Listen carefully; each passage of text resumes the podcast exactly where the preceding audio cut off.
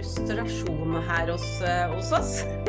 Ja, tenker du, tenker du hos oss også at vi også skal bli litt frustrerte, eller? Eh, Jeg kjenner jo at bare dette temaet som vi skal snakke om eh, i dag, det er fornuft og følelser igjen, altså. Det er litt, det er litt mye følelser i, i dette temaet her, her også, kjenner jeg. Men vi skal vel klare å Det er ikke alltid fornuft og følelser lytter til hverandre, men, eh, men la oss gå i gang med dette temaet vårt i dag, da. Gjøre det ordentlig i dag. Hvordan få skolen til å forstå. Oh. Ja, den kjenner jeg en frustrasjon på, på det. Og hva er det, hva skal skolen forstå? Eh, og der tenker jeg altså sånn, for det er jo noe som uh, vi har Altså når vi ba om innspill til uh, caser, så gikk dette her igjen. Det var en Ja, det, det var en gjennomgang. Og det kjenner jo jeg også. Jeg får så mye av, av det. Og det er jo den frustrasjonen som ligger i at skolen ikke forstår forstår barnet mitt. Skolen forstår ikke, altså forstår ikke hva De vet ikke hva ADHD er, de har ikke kunnskap, ikke sant. De vet ikke hva eh, autisme er, de vet ikke hva Altså og hvordan skal jeg da klare å få de til å forstå, sånn så sønnen eller datteren min får det som de har eh, Som de trenger. Og jeg tenker jo når, når jeg hører eh, dette med disse følelsene, altså det med at skolen ikke klarer å forstå, så kjenner jeg bare på sånn her avmakt. Mm. Og det er en av de skrekkeligste følelsene jeg kan tenke meg. Avmakt. Det å, å ikke kunne gjøre noe med en situasjon som er viktig, Ja. og som betyr mye for deg. Det er en forferdelig følelse, tenker jeg også. Eller jeg, vet jo ut fra meg sjøl også, og den følelsen av avmakt, det er noe av det verste jeg vet om. ja. Og det er det jo mye av blant disse foreldrene som eh, har barn som er litt annerledes, som er litt Ja. spesielle utfordringer.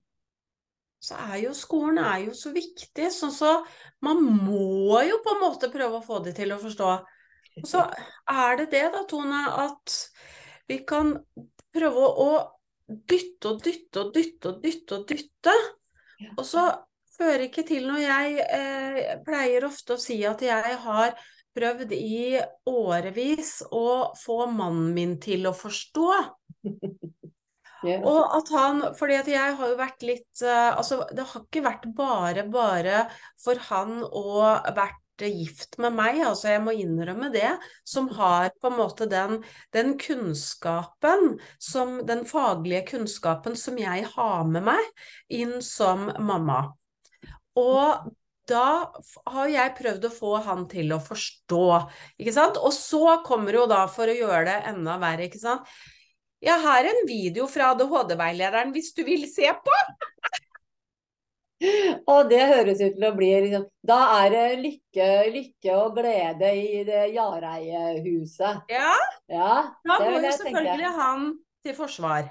Ja. Men det som er interessant, når jeg da etter hvert fant ut at ok, jeg kan like det eller ikke, men jeg klarer ikke å få han til å forstå noe som helst, det er utenfor min kontroll. Ja. Han, altså, jeg kan ikke bestemme at han skal forstå. Og det som jo er litt av greia, som du er inne på, også, også i møte med skole, også i, i forbindelse med, med mannen din og sånt nå, det er at du sitter igjen med masse fagkunnskap som du egentlig kan slå i bordet med. Mm. Og hva hjelper det å sitte med den fagkunnskapen og slå i bordet med den? Jeg får slått, da. Jeg får, jeg får bli briljert litt, liksom, men det fører jo bare til at du blir uh, møtt uh, med at andre går i forsvar. Ja, Det er det.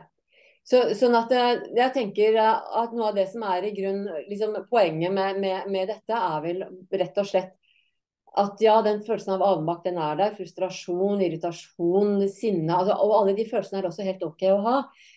Men, men eh, det er det er ikke noen måte du kan tvinge noen til å forstå noe som helst. Nei. Selv om vi har aldri så lyst, og selv om vi har aldri så mye kunnskap og kan barnet vårt og, og kan om diagnoser og kan det ene og det andre og det tredje og det fjerde og det femte, spiller ingen rolle. Vi kan ikke få noen til å forstå. Vi må ville det sjøl. Og da er vi litt inne på skolen også. Jeg som eh, jeg er jo outa som kommet ut av skapet som tidligere lærer, veit du. Jeg har jobba i ungdomsskolen i tolv år.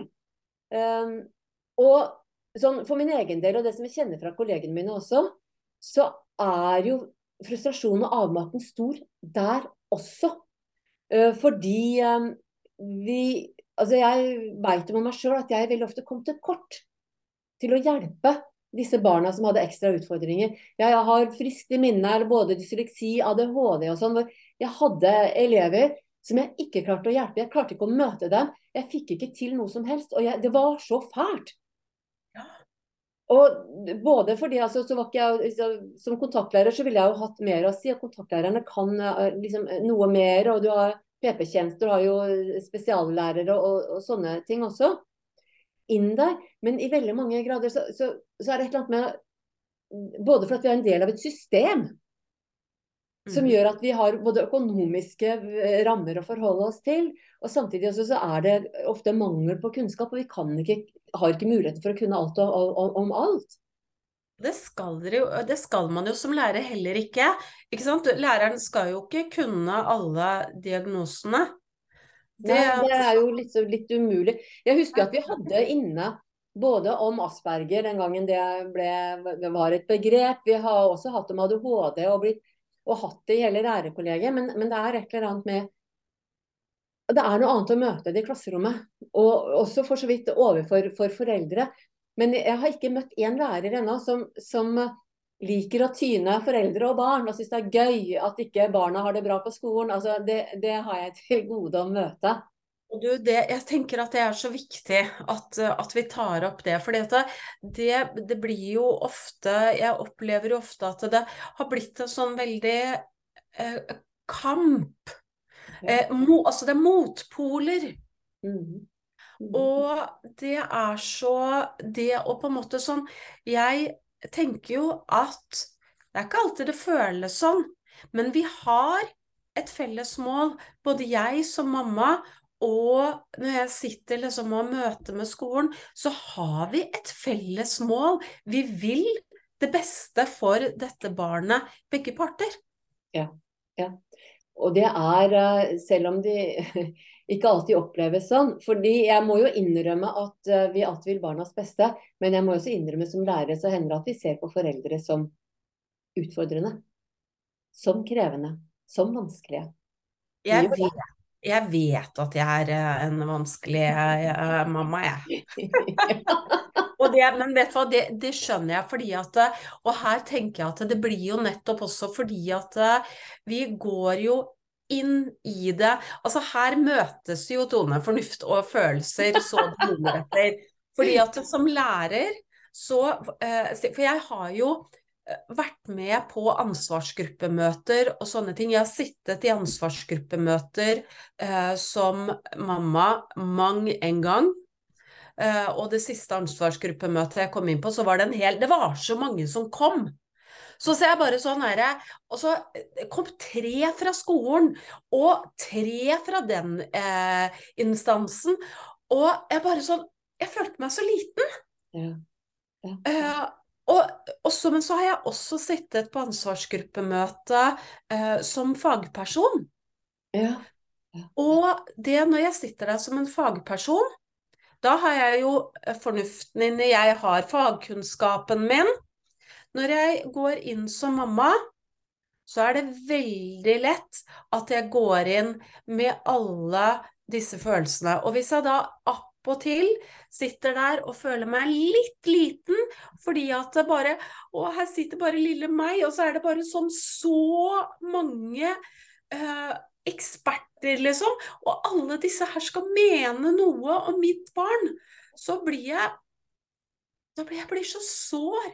Og så blir den avmaktsfølelsen den blir jo bare enda større. Ja, og da er det jo du som også har sagt at den gir seg gjerne utslag i én av to former. Altså, og, og, og, den ene er jo dette med at, at foreldrene går til krig mot skolen. Det er en kamp, det er en krig mot skolen og, og mot alle disse fagpersonene. Og den andre kan være at uh, dette må jeg klare sjøl. Ingen mm. kan hjelpe meg. jeg må gjøre alt for barnet mitt sjøl. Ja. Og, ingen av de to uh, posisjonene er spesielt produktive, da. Er ikke det. Men det er ikke til å komme vekk ifra at det er uh, mye frustrasjon uh, for å få skolen til å forstå, og det er heller ikke til å komme bort ifra at skolen ikke alltid forstår. Uh, og at det er utfordrende. Også, men, men samtidig så et eller annet med For du sa jo noe som jeg syns er veldig spennende, dette med at når du, når du tar på deg fagpersonkappa inn i disse møtene, så er det noe annet enn når du går inn som mamma. Og det har jo noe igjen med denne følelsen, det at du når du går inn som fagperson, det er jo lettere for deg som har en fagpersonkappe, da. Nei, men da har jeg vært Jeg har faktisk sittet der som fagperson. Jeg har blitt invitert inn i andre ansvarsgruppemøter som fagperson. Ja. Ja. Men Men jeg har også Ja. sittet godt inn som en tenkt at nå skal jeg gå inn, tenke meg som en fagperson. Og det jeg gjør, gjør da, det krever, litt, det krever litt trening. Vi var, har også vært inne om det tidligere. Men det å sette seg i, eh, som observatørmodus Jeg husker en sånn film, jeg husker ikke hva den heter. Så var det en sånn derre hvor man skulle observere det som skjedde på, på kjøkkenet i ulike familier. Og da hadde man bilde av denne her, det var en sånn stor, høy stol hvor det satt en sånn observatør og noterte. Salmer fra kjøkkenet. Det Det er her tenkte jeg ikke at du måtte jo vite det. Og det, jeg syns at den, har, den er litt godt bilde på deg. For den, den hadde også den derre med ikke sant, hvor du sitter for å få med deg det som, det som skjer. Og jeg liker også det der å være litt sånn øh, øh, flue på veggen, eller sånn. Uansett det å distansere seg. Ja. Og det viktigste jeg gjør før jeg egentlig kommer så langt, når, før jeg går inn i et sånt et møte, for det er jo ofte i disse møtene hvor vi går inn og er litt sånn klare til kamp. For nå skal jeg få den skolen til å forstå. Mm. Nå skal jeg kjempe for barnet mitt. Ja. Uh, I bilen, eller om jeg går, hva jeg nå enn gjør, før jeg går inn. Stopp opp. Mm. Pust. Puste. Finne til, eh, tilbake til den eh, roen. Mm. Og at jeg Ok, hva er det jeg Hvordan ønsker jeg å være i dette møtet? Ja, ja. Det har jeg eh, Det hjelper meg mye å tenke på hvilken, hva slags person ønsker jeg å være. Så, så, for da bringer ikke jeg Jeg lar på en måte stresset mitt være igjen utenfor døra. Mm, mm. Og det er jo noe som er veldig smart, og det, det er jo et at så vi har med når det gjelder forhandlinger også. Og det kan godt være altså, litt sånn egenreklame. Jeg har en podkast som snakker om forhandlinger. Og Mm. det er eh, for alle foreldre også, så er det smart bare å, å, å ta det med seg. Fordi det er noe med å forberede seg til et møte. Og sånn som Cecilie sier, det der med å klare å komme inn med en eh, Altså ikke klar til kamp, men klar til å finne en løsning. Ja, det er, det er veldig forskjellig utgangspunkt Ja. å tenke at man skal gå inn eh, og kjempe, for dette, da tenker vi jo med en gang at her vil vi ikke finne en løsning, så her er det om å gjøre å vinne. Ja. Og det er ingen som vinner der, og den som er den store taperen, er jo barnet. Det er nettopp det. For det er jo så veldig viktig det du har sagt, at det der stresset med, altså med, med skolen, altså det som er med skolen, det er jo et sted som altså Det vekker som en frykter. Som inne, altså det at barnet ikke klarer å gå på skolen. Så hvis ikke barnet klarer å fullføre skolen, hvordan vil det være da? Og problemet er jo at vi begynner jo allerede når de går på barneskolen, ikke sant, og henger etter på barneskolen, kommer ikke til å klare å fullføre og bestå videregående skole. Og eh, konsekvensen av det vil være at han kommer ikke til å klare å få seg en jobb, får ikke penger, og har kommet til å gå på trygda. Da blir han kriminell. Ja, ikke sant? Det Så er, den loopen, ja, den går vanvittig fort. ja. Og det er noe med det. Og, det, og når, vi, når, foreldre eh, jeg, har jo også, ikke, jeg, har ikke, jeg, har også, barn som ikke har klart å fullføre skole, for å si det sånn.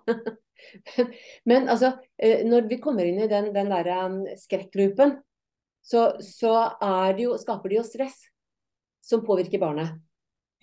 Og vi kan jo late som foreldre at nei da, selv om jeg er sånn og sånn og har de og de følelsene, så merker ikke barnet når jeg klarer å ta meg sammen overfor barna.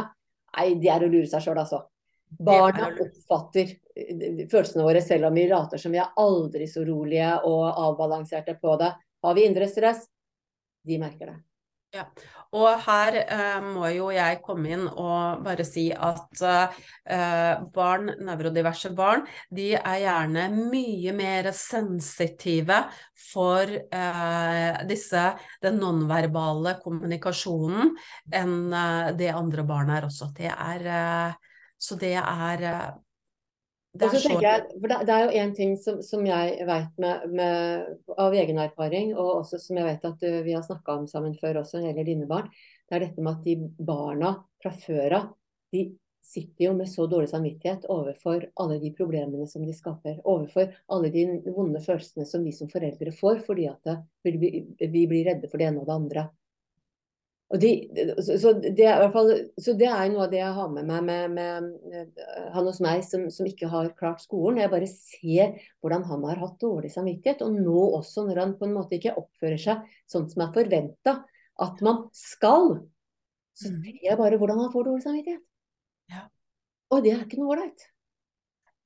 Og her er det Jeg tenker, her må jeg bare si, det skal vi gå og tenke at vi skal gå mer inn på senere også, men eh, det å være en Altså, vi er rollemodeller for dette her.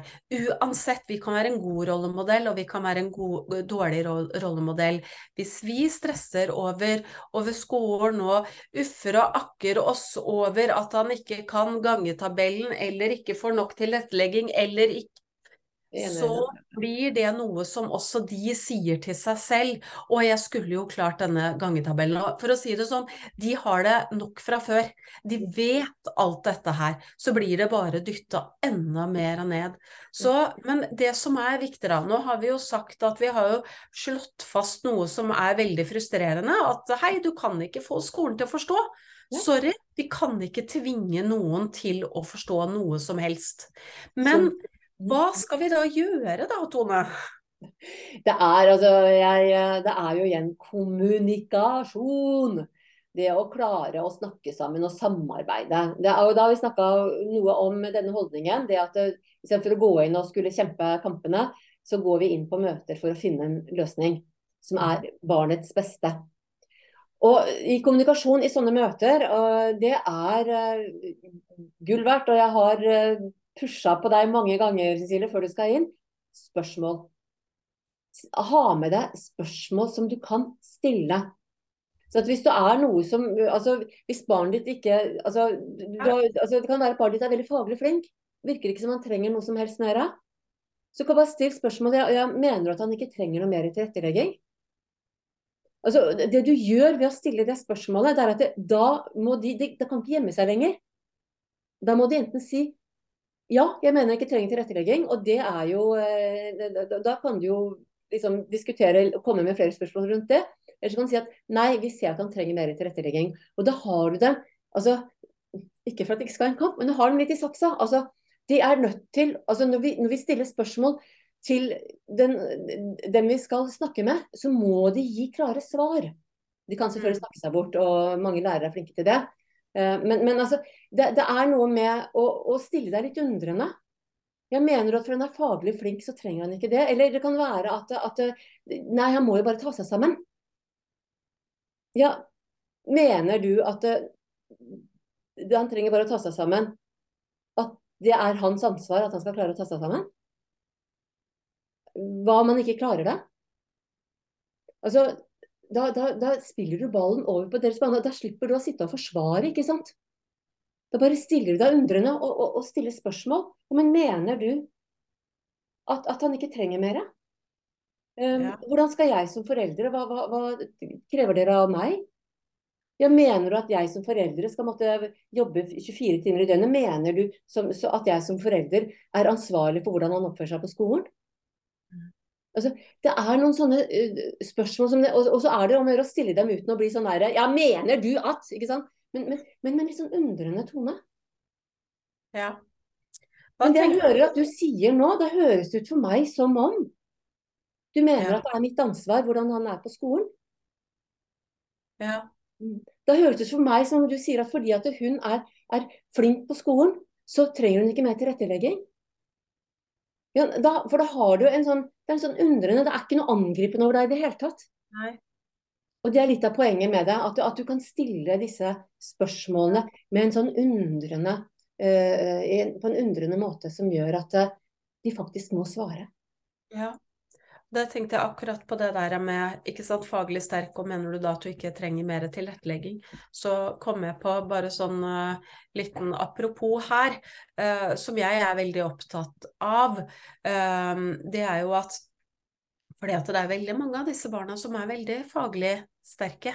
Det står ikke på evne på eh, norsken eller matte eller engelsken nødvendigvis, men det er jo det å klare å konsentrere Klare å starte med en oppgave, klare å fullføre en oppgave, klare å konsentrere seg, ikke sant. Mm. Så det å på en måte sånn stille noen spørsmål Ja, hvordan syns du det går med det da, ikke sant? Ja, ja. Å, og jeg tenker på altså En ting er alle de spørsmålene, jeg tenker på hvordan de skal faglig flinke, men hvordan skal de klare å oppføre seg?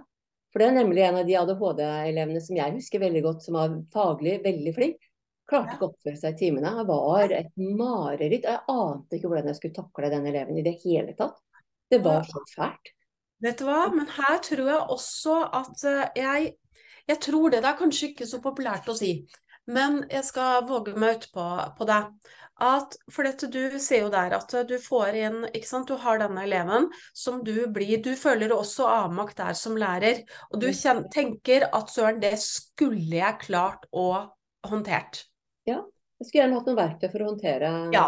Og så sier du det til meg som uh, mamma, ikke sant. At uh, du vet hva, altså jeg, han sitter ikke rolig i, eh, i, timen, han flyr rundt. Det er, det er, liksom, ikke sant. Så får jeg på en måte din avmaktsfølelse, legger du over på, på meg. Ja. Og da blir jo jeg som mamma da, føler jo da, som føler meg litt sånn egentlig litt nede i forhold til deg, for det er jo du som er den profesjonelle her, føler jo da at du gir meg skylda for det. Og da er det litt sånn takk skal du faen meg ha. Yes. Og ja. da skulle jeg, og da får jeg, og her kommer vi snakka veldig mye om det med å være trygg. Hvis jeg ikke er trygg som mamma da, så føler jeg at å, søren, jeg skulle jo fått den til å vært litt tøffelig. Altså mm. lært seg hvordan man oppfører seg på skolen, liksom. Men da er jo, hvis, hvis en lærer Nå vil jeg, jeg tror jeg vet ikke om jeg ville sagt det til foreldre, men hvis da en, en, en lærer fra skolen kommer med det, da, så er jo et spørsmål å stille ja, hva tenker vi at vi kan gjøre med det? Tenker du at det er, er eh, mitt ansvar, eller hva? Altså, igjen, altså fordi det er et eller annet med denne øh, ansvarsdelinga hvor vi ofte legger veldig mye ansvar på barna også. At, ja, at de får ansvar for sin egen oppførsel. Ja. Og det er jo det som gjør meg så innmari vondt, for det gjør både skolen og foreldrene egentlig. Så legger vi ansvar over på barnet fordi at vi tenker at når det er atferd, så er det noe som vi kan styre. Mm. Uh, og jeg liker jo å bruke meg, meg sjøl, jeg. Uh, jeg er litt raus der. Og noen ganger så blir jeg uh, eitrende sinne. Jeg kan bli så sinna både på, på, mann og barn, det er gjerne de som får det. Og det er jo ikke altså Noen ganger så har jeg sagt ting til, til både barn og mann som jeg ikke er veldig stolt av. Og det er jo ikke det at jeg vil. Jeg vil jo ikke være en sånn kjeftesmelle, men det er en årsak til det. Mm, det er en årsak til det, både når det gjelder voksne og når det gjelder barn. Det er en årsak til at denne gutten selv, når han er tolv år kanskje, ikke klarer å sitte stille. Mm. Og da er det det å gå Og så tenker jeg sånn Hvis vi hadde For dette, nå snakka vi jo om Nå skal vi se, nå må jeg hente meg tilbake, jeg kjenner jeg. du ble litt eh, grepet her? Litt ja. revet med? Eh, hvis, hvis, da, ikke sant, vi snakka om sånn som så du kommer til meg, som, vel, som lærere gjør. Ja. Ikke sant? De kommer jo, de la på en måte den fortvilelsen og sin avmaktsfølelse gå på foreldrene, og så tar jeg det personlig og tenker at det skulle jeg gjort noe med. Og så var det det jeg tenkte på i stad, at hvis vi Jeg pleier ofte å sammenligne det med hvis vi hadde hatt en elev eller et barn som eh, var, eh, var, var blind eller satt i rullestol. Mm. Hadde vi da tvunget denne blinde eleven til å se? Bare anstreng deg litt hardere, eller den personen som sitter i rullestol. Du, kom igjen da, nå må du bare skjerpe deg. Eh, reis deg opp og gå opp de trappene. Vi hadde jo ikke gjort det. Da Nei. finner vi tilrettelegginger. Når datteren min, hun har dårlig Hun har autisme, dårlig syn. Hun er lyd, lyd, nei, lydsensitiv i forhold til av autismen. Men hun har også sånn disse tingene med, eh, med synet hennes som gjør at da var det ikke noe snakk om og tilrettelegging i forhold til det. Men i forhold til en lyssensitiv og en lydsensitivitet i forhold til autismen, det blir litt, fort litt annerledes.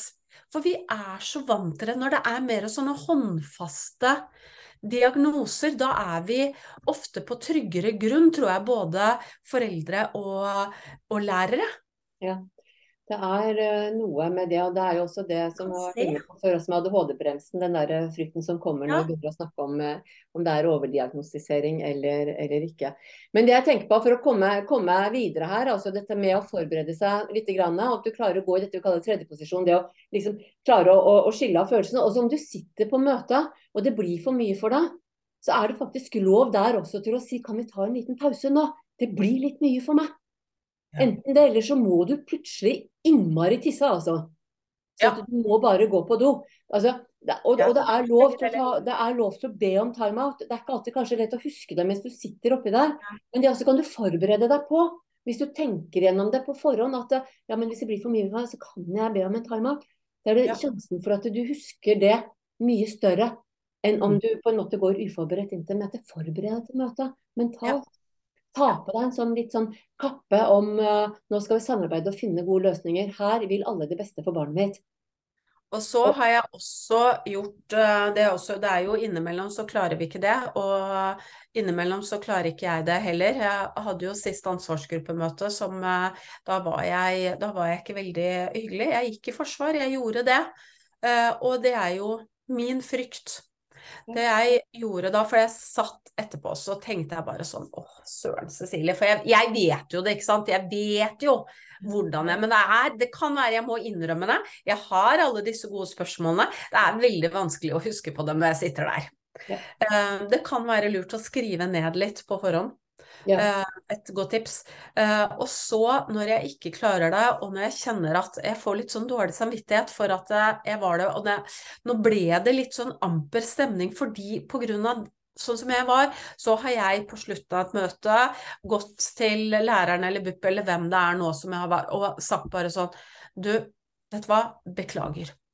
Mm. Mm. Det, det, nå, det ble litt mye følelser nå, og jeg vet at du også du er i et, et system, jeg vet det. Og så kan vi på en måte Og jeg har ennå til gode, Tone, å ikke bli møtt på en god måte når jeg gjør det. Det er et uh, kjempetips. Og, og, det der med å kunne klare å beklage og si, altså bare innrømme at det ble gikk en kule varm. Og så sier du at du ber om beklagelse, og så tenker jeg noe som også er innmari viktig. Det er å klare å på en måte tilgi deg sjøl for at du, um, du Vær litt raus med deg sjøl. OK, jeg, jeg bomma litt uh, igjen, og det er greit. Sånn Ja. er det å være menneske. Vi bommer alle lite grann. Jeg er veldig opptatt av raushet, og raushet også overfor seg sjøl. Jeg jobber også med det når jeg sier dumme ting, for det hender stadig vekk. Eh, og, og da har jeg en sånn lang remse av, av sånn skamme Hvordan mye jeg skal skamme meg over det. Så jeg jobber veldig med å klare å være raus med at OK, ja, det, det, jeg bomma litt, men, og det er helt OK. Og, så det vil jeg også at det er Fint å beklage til læreren, men også ha den rausheten med deg sjøl. At det er greit å gå på trynet. Ja. Og eh, tenke litt grann også sånn Jeg har blitt eh, flinkere til å bare sånn Jeg undre meg litt grann etterpå. Hm, hva er det egentlig som skjedde nå? Og det å kanskje med, snakke med noen, ikke sant. Jeg eh, bruker mannen min, og jeg kan snakke mye om det etterpå. Det kan vi nå fordi at vi nå står mye mer på samme side. Snakk om den, ikke sant, med den forståelsen. Nå står vi på samme side. Merkelig greier det. Når jeg skjønte at jeg ikke kunne få han til å forstå at han måtte gå den prosessen sjøl, så gikk han den prosessen sjøl. Han klarte det helt fint sjøl, gitt. Da kan jo vi eh, etter sånne møter, så kan jo jeg også si til han, og det gjorde jeg til sist møte, du nå, nå, kjente jeg at nå Jeg vet at jeg var, var, litt dum der, og jeg så på deg at du reagerte på det. Og så kan vi snakke litt om det som skjedde, og hvor jeg kan få lov til å på en måte sånn kjenne litt etter. Hva er det som skjedde inni meg da? Hvilke frykter var det som kom opp nå? Mm. Mm. Ja. Og det hjelper meg til å på en måte sånn Ok, greit, men da er det jo ikke så rart det heller. Da er det faktisk ganske naturlig. Når disse fryktene her kom opp, så er det ganske naturlig at, at jeg reagerte sånn. Mm. Og det er igjen liksom, det er Alle følelser er faktisk tillatt. Det er, ja. er noe med det. Altså. Og, og, mye, mye, frykt som, som kommer, og den, og den, er der. Og den, den er der liksom. Og også, jeg tenkte også det i forhold til um, det å Fordi at når vi er veldig nære på disse følelsene, så er det på en måte sånn Hva er det, det Noen ganger så kan det være greit å sjekke etter om du har hørt riktig. Ja. Fordi at veldig ofte, det var det som skjedde i det siste ansvarsgruppemøtet, så tente jeg egentlig på alle pluggene før øh, øh, denne øh, damen var ferdig med å snakke, egentlig. For dette, jeg hadde jo hørt resten av det hun skulle si. Jeg hadde jo tolka det hun sa og det hun mente, før hun egentlig var ferdig. Men hun hadde bare et litt langt resonnement. Og det å for det første vente lite grann, og så, eh, før hvis jeg kjenner at jeg blir sint, det å bare dobbeltsjekke Du, hva, hva, mente du egentlig nå, eller mente du det og det? Mm. Jeg, hørte, jeg, jeg, jeg, hørte at du sa det og det og det og det. Stemmer det? det ja, helt ja. riktig. For det er jo et eller annet med, med, som vi er inne på, det er ofte at det vi hører er noe annet enn det som egentlig blir sagt. Ja. Um, og, og, og, da er det veldig smart å oppsummere det du har hørt, og så stille sånn derre Stemmer det? Og det er også gjerne da i en litt sånn snill måte. Altså ikke sånn Ja, Stemmer det? Det er mm. ikke måten å få, få samarbeid på, men altså en sånn derre OK, dette hørte jeg. Hørte jeg riktig?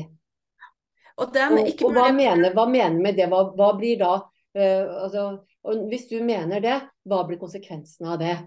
Det er det å ha uh, en del spørsmål, og som, som Cecilie sier, er snart å skrive opp på, på, forhånd. Men skal ikke vi Cecilie, skal ikke vi sette oss ned og skrive ned noen gode spørsmål til de foreldrene? Jo, det kan vi gjøre. Det, det kan vi gjøre.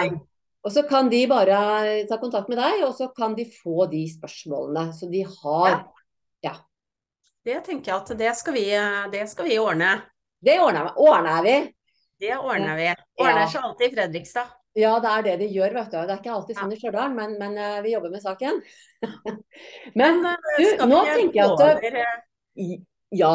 Nå tenker jeg at vi er ferdige, litt ferdige med foreldrene. altså Bare en sånn kjapp oppsummering. at Jobb med å se på skolen som en samarbeidspartner som vil barnets beste. At dere skal finne en løsning sammen. Komme inn med masse spørsmål. Vær undrende. Dersom det går en kule varmt, ta en pause. Uh, og, og, oppsummer gjerne hva du hører blir sagt, og spør om det stemmer. Det er vel sånn oppramsing av de tipsene vi har kommet med, med her, eh, rett og slett. Ja. Altså, forbered deg på forhånd. Ja. Uh, så, så, det. Da, da er vi ferdig med foreldrene i dag. Ja, så går vi inn på hva du gjør som coach, og det er jo Jeg har jo, må jo innrømme det også, Tone. Jeg har uh, klødd meg i uh, hodet opp til flere anledninger hvor jeg syns at jeg har fått inn litt sånn vanskelige vanskelige kunder, eller det er ikke kundene som er vanskelige, men det er casene som er vanskelige, og hvordan de eh, på en måte hvordan de kommer. Ikke sant? For det er veldig mange som kommer til meg og spør nettopp dette. Det er det. Ja, hva vil du ta opp i dag? Jo, hvordan får jeg skolen til å forstå? Og, kan, og den møtet får jeg ofte. Kan ikke du bare gi meg noen artikler, og om du har noen referanser som jeg kan slå i bordet med? Ja, ja. Mm. Åh, ja, nei, men jeg vet at du har fått de spørsmålene noen ganger, for det hender at du er litt frustrert når de har kommet. Ja. Og, eh, og, men samtidig så er det jo For det er jo det vi har vært inne på før. Altså, er, eh, når vi begynner å coache, så coacher vi andre coacher og da, som vet hvordan de skal svare, som vet hva man kan coaches på. Disse foreldrene og, og andre vanlige dødelige uinnvidde, som vi gjerne kaller det, de vet ikke det. Så de kommer med det som er det største problemet deres, og det er at skolen ikke forstår. Ja. Og da er det jo litt sånn som vi har vært inne på med foreldrene. det er jo, altså Først møte dem, selvfølgelig. For det, dette her er for mange det er så sterke følelser av avmakt, frustrasjon. Det er en sånn ekstrem fortvilelse i veldig mange tilfeller. Så igjen tenker jeg at her må de få lov til å blåse ut litt først. Og at du møter dem med å skape rapport, møter dem med, med, forståelse. Igjen uten å gå inn i drama, selvfølgelig. Du kan ikke være med og liksom Ja, den der i skolen er ja, Trenger liksom ikke å ta den, men, men, men vær med og, og lytt på dem. Møt dem med empati. Det er folk som er kjemper. Ikke sant? Og så skal de ha noen verktøy, de skal ha noen våpen som er forskningsartikler og, og, og eh, litt sånne ting som, som, som, de kan bruke og skyte tilbake med. da. Eller slå i bordet, slå i hodet, eller hvor de skal slå hen. Ja, og da tenker jeg også sånn, også sånn eh, Min erfaring her, Tone, for dette i begynnelsen så var jeg veldig stressa for eh, tiden. Jeg har jo ikke tid til å bruke tid på denne her eh, rapporten her. Her må vi bare bli ferdig med den delen. Men jeg har erfart at hvis jeg bruker den tiden det tar, og ikke på en måte går inn i den, der, den læreboken igjen at en coachingtime er 90 minutter, og så skal det være så og så mange minutter til sant, den første delen. Ja. Den har jeg måttet legge bort mange mang en gang, for den funker ikke med, når jeg får vanlige mennesker inn på kontoret. Nei. Og så må det på en måte Det må ta litt den tiden det tar, men så erfarer jeg at når de, måte, når de får tømt seg, så er det på en måte sånn herre Det blir sånn herre uh, får liksom sånn den proppen som uh, går ut, ikke sånn, får den der lufta ut, så er det mye lettere å jobbe med det etterpå. For hvis jeg blir stressa og avbryter de der, så det er da jeg ikke kommer videre uh, med resten av timen, egentlig. Fordi at de må være klare for å gå videre. Ja. Så, så, sånn er det bare. Nå blir jeg litt sånn stressa fordi at jeg sitter jo på kontoret mitt langt inne i, i Trønderåna på den ene sida, og så det er sånn krisling her og sånt, og så er det spøkelser eller er det mus, tenker jeg. Litt usikker. Eh, men hvis jeg blir i blikket, for det vifter litt i gardina og sånt, så tenker jeg uh. eh, Men hvis jeg plutselig forsvinner, så er det spøkelset som tar meg. Og, og, og, hvis jeg plutselig Da skal jeg holde for løper over føttene mine. Men, uh... men, men, altså tilbake til dette her, som du sier, altså, la dem få litt tid. For dette skjemaet som vi bruker altså hvis du, jeg, jeg, pleier alltid å si når jeg er mentor også, men, men, det er helt greit å bruke litt tid på å få, en, få denne bestillinga. Ja. Um, fordi at når du har bestillinga, så kan du ofte klare å, å gjennomføre, en, eh, gjennomføre, resten kjapt. Men og, det å klare å, For det har jo noe med coachingen å klare å møte dem der de er, det er jo nettopp å, å, å la de få, få, utløp for frustrasjonen sin og få prata litt av seg uten at det tar hele timen, da. Ja. Og Da er det igjen å kunne stoppe dem med at ja, du, jeg, jeg, jeg, skjønner at dette her er, betyr mye for deg, jeg ser at det, det er vanskelig for deg. Men jeg, jeg tror jeg, stopper deg nå hvis det er greit. For nå har du fått en del, jeg har fått et ganske bra bilde av, av hvordan det er. Og jeg ser at du er ikke på noe bra sted, så kanskje vi heller skal eh, komme oss dit hvor vi kan få gjort noe med det. Hva, hva, tenker du om det? Vil det være en god plan? ikke sant? Det, det er en måte å få stoppa dem eh, på, for det, det, kan være fryktelig utfordrende innimellom å klare å få eh, stoppa mm. Eh, de som er i gang med ordentlig klagesangen. Og som noen av dem snakker på innpust og utpust og sidepust, og det er ikke måte på. De kan helt fint bruke 90 minutter på, på det, altså. Ikke ja, noe problem. Ja når det endelig er noen som, eh, som de føler at forstår. Ja, og som lytter, ikke sant. Og, for, for det er jo noe av det som er fantastisk med watercoaching. Det er at wow, her er det liksom halvannen til to timer, eller mellom én og to timer, hvor, hvor det, er, det, er, bare meg som er interessant. Det er jo fantastisk. Ja. Eh, for veldig mange, og veldig uvant, og, og en veldig god følelse. Det, det blir sett liksom anerkjent og, og, og involvert og, sånne ting. Men igjen, la de få litt tid før du møter dem på dette med, med at de faktisk ikke får gjort noe med skolen. Og Det er jo viktig at de forstår det. Og jeg tenker også, sånn som har vært inne med foreldrene, det å klare å få dem til å kanskje innse at skolen i utgangspunktet er en samarbeidspartner, og at skolen også faktisk vil barnets eget beste. Altså, det er så viktig at de, at de på en måte tar inn det ordentlig. Det er leit å høre at du er redd, men jeg er glad du ber om hjelp. Husk noen ganger og tenk på alle det var, ikke, det var en mannlig versjon av Siri, det der. Ja, det var herre-Siri. Jeg syns han kom inn med noen gode innspill. Jeg er helt fascinert. Ja. Herlighet. Ja. Men her også så tenker jeg, eh, Tone, at uh, det å I forhold til det vi har snakket om med aksept også, det å tvinge noen til å forstå det, og på en måte sånn igjen dytte på, på, dette treet. Ikke sant? Jeg vil ikke at du skal stå der. Du kan dytte og dytte og dytte til du blir grønn i trynet. Det treet kommer ikke til å flytte deg. Det er faktisk du som må flytte deg. Det er du som må få et annet perspektiv. Ja, og, men for å hjelpe dem til å få det perspektivet, så kan jo disse spørsmålene komme med ja. liksom, hva, hva, hva, altså, hvis du skal fortsette å ha skolen som motstander, hvordan vil det være? Hva vil det gi deg? Hvordan vil det være for barnet ditt? ikke sant? At du tar inn de spørsmålene som gjør at de faktisk, ja, gjør det du trenger for å få foreldrene til å skjønne at det her er det, at det er et tre da, mm. som står der. Ja, Og så er det én teknikk Og det treet vil bare det beste, for det vil bare blomstre og gi oksygen til verden. Ja. ja. Og så er det én NLP-teknikk, Tom, som jeg har hatt veldig glede av uh, i disse sånne caser som dette her. Og det er avbalansering av oppfattelsesposisjoner. Uh, Den er den er veldig fin. Og bare litt sånn kort uh, til uh, de som ikke er NLP-ere og som liker å se på.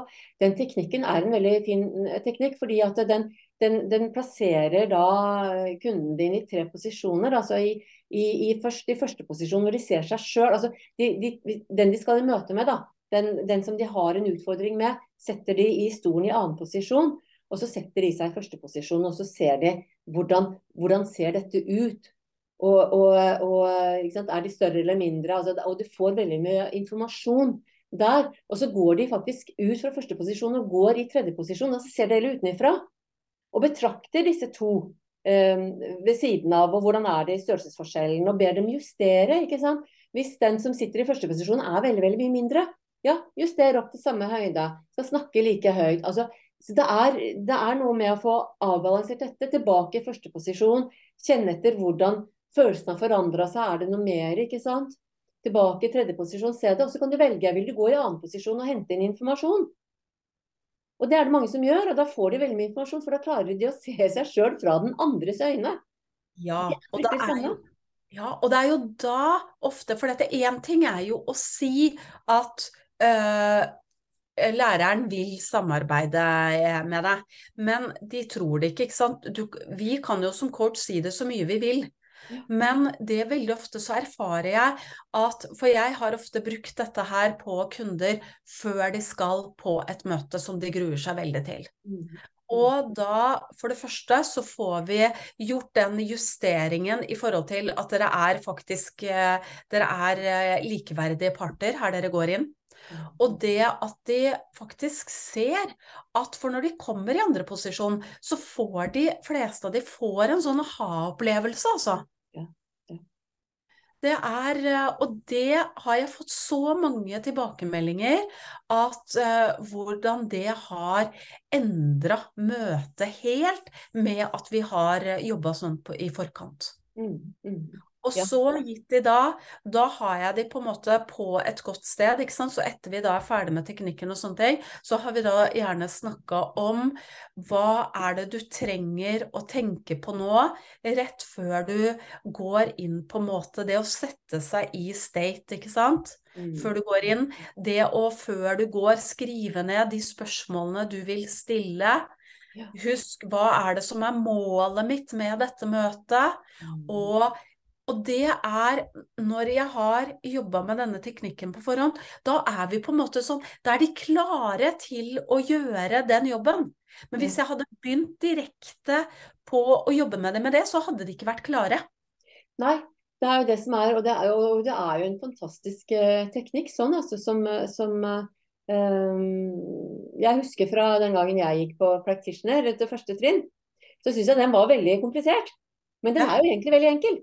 Den er enkel. Ja, den er det. Så det er bare å, å, å, For de som kan den, å bare ha den med. Og for, for dere andre som ikke kan den, dette gjelder bare rett og slett å se eh, på situasjonen fra forskjellige vinkler.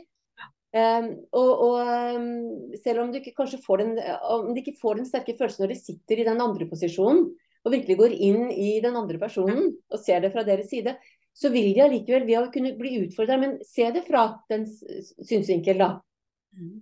Så, så vil de der også kunne hente informasjon, selv om du ikke kan teknikken. Men det er liksom det å virkelig undersøke noe fra alle mulige posisjoner og vinkler, er jo en eh, veldig spennende, da. Og så er tenker jeg altså I tillegg så er det jo, kan det være fint å gi altså, at, at de lager seg noen uh, ankere, da, ressursankere gjerne, um, som, som de kan ha med seg inn Ja. i møta. møtet. Og også litt å lære dem litt om forhandling, ikke sant. Disse spørsmålene, og dette med å forberede seg og, og, og under møtet at det er liksom lov å ta pause. ikke sant? Jeg pleier alltid å si at du, du kan alltid gå på do, ikke sant. Eller at de kan innrømme at uh, dette blir for mye for dem. Da må de jo finne ut av hva som passer for dem. Hvis det er, noen ganger så kan det være veldig verdifullt hvis de klarer å si at nå må vi ta en pause, jeg trenger en pause for dette blir for mye for meg. For det vil skape sånn innmari forståelse uh, for at det er en veldig vanskelig situasjon for dem. Ja. Heller enn at de kanskje blir sinna eller blir vrange og vanskelige, men liksom bare at de, at de innrømmer at nå er det fryktelig vanskelig for meg. Jeg kjenner at det har vært vanskelig for meg å gjøre, fordi at uh, da blir jeg så sårbar. Det gjør det. Det gjør det. Og det å Mm. våge å vise sårbarheten er fryktelig skummelt. Altså. Og så gir det så enormt mye når vi, når vi gjør det. Ja. Mye, mye mer enn å Det som er motsatsen min, da, det er jo å gå i forsvar. Det er jo det som gjerne skjer hvis jeg ikke nettopp ber om den pausen. Ja, Det er jo ofte det. Mm. Og da går vi til kamp, og da går vi til krig, og krig vet vi at har ingen vinnere. Og de største taperne er barna. Mm. Jeg sier veldig ofte til foreldrene at uh, når vi går inn i forhold til, til ungene, sant, så at man ikke skal inn, gå inn og argumentere og mase og krangle, men å skape vinn-vinn-situasjoner. Jeg tenker det blir akkurat det samme her. Det er ikke snakk om at du skal gå inn og vinne noen ting. Det er snakk om at man skal eh, bli enige om noe som er til det beste for barnet. Og kanskje og så finner man jo ikke Det er ikke sikkert at man finner ut liksom det perfekte, men at eh, vi kommer Ok, hva er det vi kan enes om? Som vi kan prøve ut? For det er jo ikke Altså, som mamma så ønsker jo jeg meg veldig mye, ikke sant? Eh, som ikke som ikke alltid er eh, realistisk. Men det å eh, å prøve ut noe, og, og så møtes igjen og evaluere det og justere. Så mange måter å gjøre det på. Og samtidig også så tenker jeg jo um, at vi har jo vært snakk om veldig mange følelser her også, som, som møter dem med, med avmakt, frykt og redsel og sånne ting også. Og selvfølgelig dette her er jo litt, litt førstehjelpa, da. Så, som, så når vi møter dem i det, så vil det jo selvfølgelig være å jobbe med alle disse underliggende følelsene også. For det er jo en utrygg, en frykt som ligger under her, eh, som, som eh, driver dem. Og det er selvfølgelig jobbe også med, med den på sikt, da. Og da er de fleste av oss har jo flere mm, verktøy for å jobbe med disse følelsene for å skape mer trygghet og sånn. Hadde vi fått inn den eh, personen her på kontoret vårt, så er det gjerne flere timer enn én, for å si det sånn. Ja, Det er, det er jo det er mange lag bak dette her. Ja, det er det. Og Ja. Men Tone, jeg tenker at uh, nå er det på Vi skrevler igjen, vi. Det er på tide å uh, avslutte, eh, tror jeg. Ja. Jeg håper at selv om vi skrevler mye, at det er eh, som sagt at det er mye matnyttig oppi det hele, da. Jeg, jeg, jeg syns at vi har en del bra å komme med. Jeg må være såpass tøff i trynet at jeg tør å si det, da. Ja, ja, ja. Men det, jeg, jeg er enig i det. Det er bra. det er bra. Og så satser vi på at dere som lytter også er enige. Men igjen, dersom du har innspill eh, Det kan være ris og ros, det kan være tips til, eh, til eh, temaer som skal tas opp. eh, Hva det enn skal være. Vi tar imot med åpne armer, eh, rett og slett. eh, Ja. Og vil gjerne ha innspill. Eh, Ja, dette her er jo bare episode fire for oss, så vi er jo eh, ferske. Ja, jeg er nystarta! Vi er nystarta, så absolutt. Altså, jeg tenker jo at for at eh, når vi eh, gjør dette her, så er jo fordi at det skal eh, være matnyttig for deg som hører på. Og da er det, for at vi skal bli bedre, det vi lærer av, det er at du kommer med tilbakemeldinger. Så det er, det er viktig. Here, here. Ja, Mhm. det er det. Men vet du, da har vi jo gått over uh, tida, uh, så det holder. Det har vi. Det har vi, som vi hadde satt opp. Men, men da sier vi rett og slett bare holdt på å si, hasta la vista på gjensyn. Takk for nå, så ses vi igjen. Ja.